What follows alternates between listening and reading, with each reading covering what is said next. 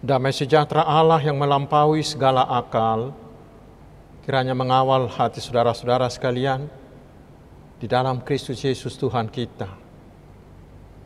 Amin. Selamat hari Minggu saudaraku. Selamat hari Minggu. Bagaimana kabar? Saya berharap semuanya kita dalam keadaan sehat dan Amin. dalam keadaan bersuka cita.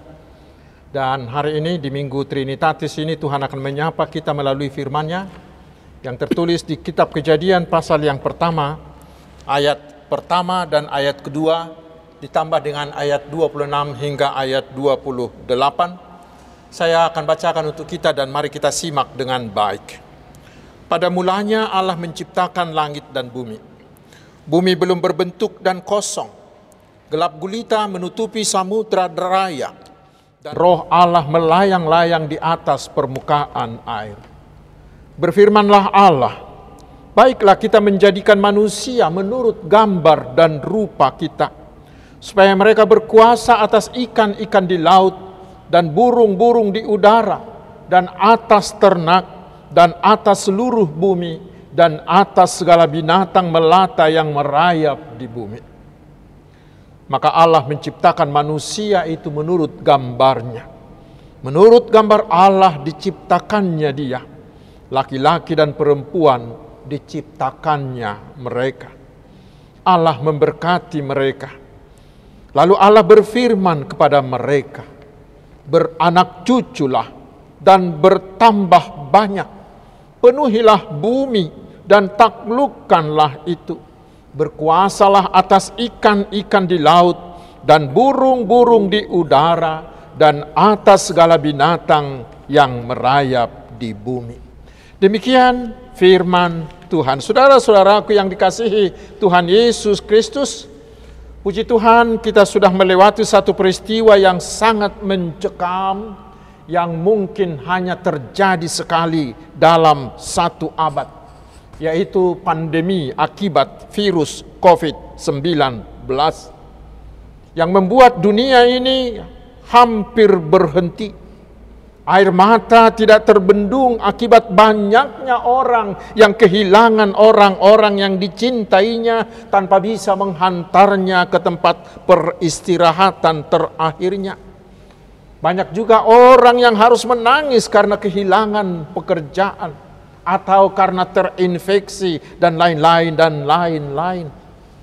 Tetapi saudaraku, mungkin saudara-saudara setuju dengan saya Bila saya mengatakan bahwa dengan pandemi itu maka semakin nyata bagi kita siapakah Allah kita dan siapakah kita di hadapan Allah kita itu.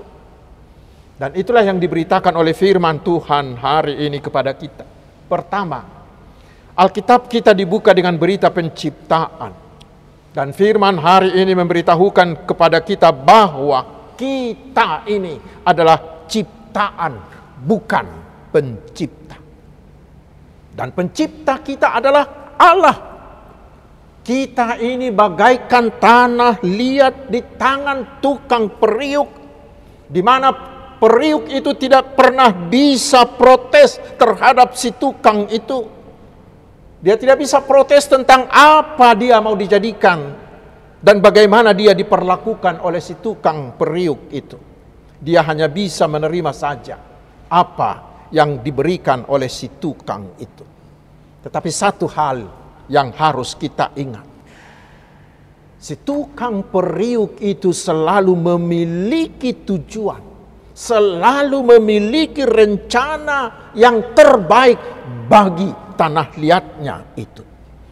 Dia sangat menginginkan tanah liat yang kotor itu menjadi sebuah keramik yang indah, yang bernilai tinggi, yang berharga tinggi. Dan untuk itulah saudaraku, si tukang periuk itu harus meremas tanah liat itu, menginjak-injaknya, memukul-mukulnya, lalu membentuknya.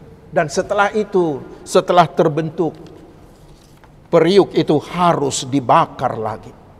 Tentu itu sangat, sangat, sangat menyakitkan. Tetapi saudaraku, lihat hasil akhirnya. Hasil akhirnya adalah sebuah keramik yang sangat indah, yang sangat berharga, yang sangat bernilai tinggi. Mengapa itu bisa terjadi? Karena si tanah liat itu mau menyerahkan sepenuhnya dirinya dibentuk oleh tangan si tukang itu. Saudaraku, bila kita benar-benar mengimani dan menghayati bahwa kita ini adalah ciptaan dan bahwa pencipta kita adalah Allah yang sudah hadir di dalam Tuhan Yesus Kristus, maka seharusnya kita bersikap seperti tanah liat itu.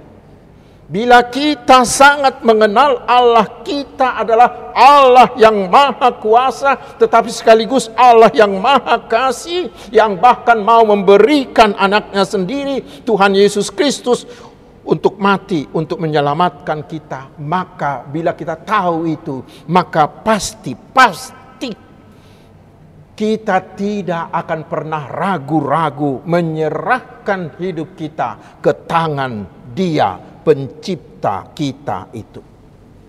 Seperti seorang penulis pernah menuliskan begini. Jangan pernah takut untuk mempercayakan masa depanmu yang tidak yang tidak kita ketahui itu ke tangan Allah yang Anda kenal dengan baik. Terutama di keadaan dunia kita yang sekarang saudaraku, dunia kita yang diancam oleh resesi yang berat, yang katanya lebih berat dari resesi yang pernah terjadi. Dunia kita juga diancam oleh kelangkaan pangan.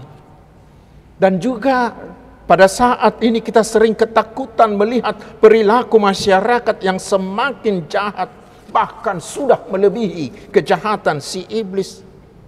Di situasi seperti itu saudaraku hari ini kita diajak mari kenalilah Allahmu Allah yang Tritunggal itu Allahmu yang adalah tukang periukmu yang menjadi pencipta bagi kita itu. Bila saudara mengenalnya dengan baik, berilah dirimu seperti tanah liat tadi yang mau memberi dirinya sepenuhnya ke tangan Allah tukang periuk kita itu. Yakinlah saudaraku, semua yang terjadi di zaman kita sekarang dan juga seluruh masa-masa hidup kita adalah cara Tuhan untuk membentuk kita dari tanah liat yang kotor, dari tanah liat yang tidak bernilai apa-apa Tuhan mau menjadikan kita menjadi ciptaannya yang terbaik dan terindah. Seperti sudah sering saya katakan, Tuhan membentuk kita dari manusia biasa menjadi manusia luar biasa dengan se melalui segala penderitaan dan kesulitan yang kita alami. Sama seperti yang Tuhan lakukan membentuk Yusuf, membentuk Musa, membentuk Daud dan murid-murid Yesus. Mengapa saudaraku? Kita harus ingat di ayat 27 dikatakan, karena Tuhan mencipta kita segambar dan sepeta dengan Tuhan. Itu yang luar biasa bukan? Ingat kita ini adalah mahkota dari seluruh ciptaan Tuhan. Kita adalah gambar Tuhan. Dan Tuhan Yesus anak Allah itu sendiri mau mati untuk kita. Mengapa? Karena Tuhan mau menjadikan kita tetap segambar dan sepeta dengan Dia. Karena itu saudaraku jangan habiskan pikiranmu membahas hal-hal negatif dari semua keadaan-keadaan yang sedang terjadi di sekitar kita. Tetapi mari arahkanlah dirimu dan berilah dirimu dibentuk oleh tangan si sang pencipta kita. Yakinlah bila saudara mau menyerahkan hidupmu, mau menyerahkan bisnismu, mau mau menyerahkan pendapatanmu, mau menyerahkan studimu, mau menyerahkan masa depanmu ke tangan Allah si tukang periuk kita itu, lihatlah, saudara akan mengalami perubahan dari manusia biasa dari ruas biasa, dari orang Kristen yang dulunya biasa-biasa saja seperti murid-murid Tuhan Yesus di khotbah minggu yang lalu akan diubahkan menjadi seorang manusia yang luar biasa. Pasti dari antara kita yang mendengar khotbah ini sudah banyak yang mengalaminya, yang mengalami pembentukan Tuhan melalui penderitaan-penderitaan bukan? Itu kesaksian-kesaksian yang sering kami dengar dari anak-anak, dari saudara-saudara kita, anak-anak binaan di lembaga pemasyarakatan atau di rutan yang sering kami layani. Mereka mengatakan bahwa lapas itu, bahwa rutan itu bagi mereka bukanlah penjara. Tetapi sebagai anak Tuhan, mereka memahami bahwa rutan dan lapas itu adalah tempat pembentukan kutukan dari Tuhan. Sehingga mereka menjadi manusia yang baru. Menjadi manusia yang luar biasa sekeluarnya dari sana. Hendaknya kita juga bersikap seperti itu. Itu yang pertama. Yang berikut saudaraku mungkin saudara pernah mendengar cerita ini yang terjadi di sekitar tahun 1900-an. Ketika itu seorang kaya mengendarai mobil Ford miliknya Waktu itu pemilik mobil masih bisa hitungan jari. Tetapi di tengah jalan mobil itu mogok. Lalu si sang super pemilik mobil itu mencoba mengutak-atik mobilnya untuk memperbaikinya tetapi selalu gagal. Lalu kemudian datanglah seseorang setelah menanyakan apa yang terjadi, si seseorang itu langsung mengotak-atik beberapa bagian dan hanya sebentar saja hasilnya mobil Ford itu bisa berjalan kembali. Itu membuat si pemilik mobil itu heran. Kok dia bisa begitu gampang, begitu mudah memperbaiki mobil saya ini? Lalu dia bertanya kepada si seseorang itu, Pak, siapakah saudara ini sebenarnya sehingga begitu mudah bisa memperbaiki mobil saya? Apa jawab si penolong itu? Dia katakan, saya adalah Henry Ford, pembuat mobil ini. Sehingga saya tahu segala sesuatu tentang mobil ini. Di mana sakitnya saya tahu. Saudaraku yang dikasihi Tuhan Yesus, itulah yang harus kita yakini dari perikop nats kita hari ini. Bila kita yakin, bila kita percaya, bila kita menghayati bahwa kita dicipta oleh Allah yang Tritunggal tadi, maka kita yakin bahwa sama seperti Henry Ford yang tahu segala sesuatunya tentang mobil Fordnya itu, Demikian kita yakini bahwa Tuhan tahu, Tuhan mengenal kita dari A sampai Z. Dari ujung rambut sampai ujung kaki kita. Tuhan tahu apa yang salah dalam dirimu sehingga Tuhan tahu bagaimana memperbaikimu bila kita mau memberi diri kita untuk diperbaharui. Tuhan juga tahu apa yang terbaik bagi kita. Tuhan juga tahu apa kebutuhan kita. Tuhan juga tahu apa kelemahan kita. Tetapi Tuhan tahu juga apa kelebihan, apa potensi kita. Karena itu saudaraku apa pun yang terjadi dalam hidup kita, dan dalam situasi apa pun terutama dalam kondisi sesulit apa pun ingatlah Tuhan tahu apa obatmu. Dan Tuhan tahu berapa takaranmu. Tuhan tahu apa kebutuhanmu dan lain-lain. Itu kita baca di 1 Korintus 10 ayat 13 dikatakan di sana. Pencobaan-pencobaan yang kamu alami ialah pencobaan-pencobaan biasa yang tidak melebihi kekuatan manusia sebab Allah setia dan karena itu ia tidak akan membiarkan kamu dicobai melampaui kekuatanmu. Pada waktu kamu dicobai, ia akan memberikan kepadamu jalan keluar sehingga kamu dapat menanggungnya. Dan di Matius 11 ayat 30 Tuhan Yesus mengatakan, sebab kuk yang kupasang itu enak dan bebannya bebanku pun ringan. Kok bisa kuk, kok bisa beban itu menjadi ringan? Mengapa bisa? Mengapa Tuhan Yesus katakan itu ringan dan itu enak? Ya, karena Tuhan Yesus tahu ukuran yang pas bagi kita. Saudaraku, yakini itu. Siapa yang mau putus asa dalam keadaan atas apa yang terjadi dalam kehidupannya. Orang seperti itu adalah orang yang tidak mengenal siapa penciptanya dan siapa dirinya di hadapan penciptanya. Karena itu kenalilah Allah. Yang terakhir, saudaraku kita sudah masuk di minggu Trinitatis. Ketritunggalan Tuhan. Sebagaimana kita saksikan dalam pengakuan iman kita tadi. Pertanyaan yang sering muncul Apakah orang Kristen menyembah tiga Allah? Jawabnya pasti tidak. Memang kata Tritunggal, Trinitatis itu tidak ada di Alkitab. Sampai ke mana pun kau cari itu tidak ada.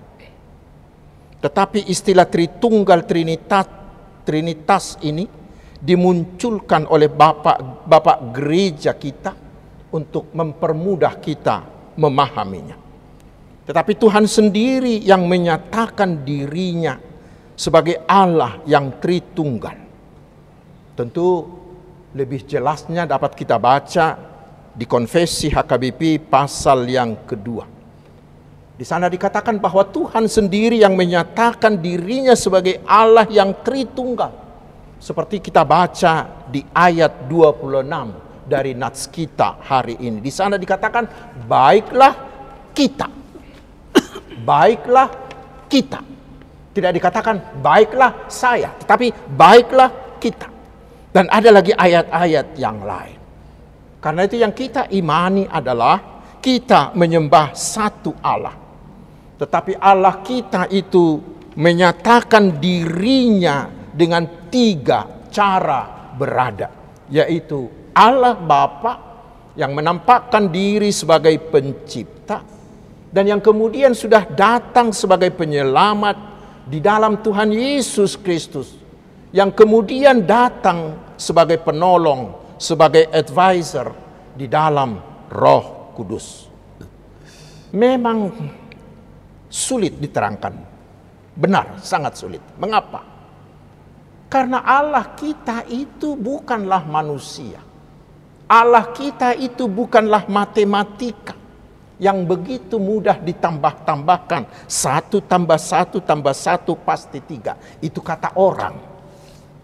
Kalau satu tambah satu tambah satu itu pasti tiga. Karena itu mereka mengatakan Allah orang Kristen itu tiga. Itu bukan. Tetapi sebenarnya kenapa harus tambah-tambah?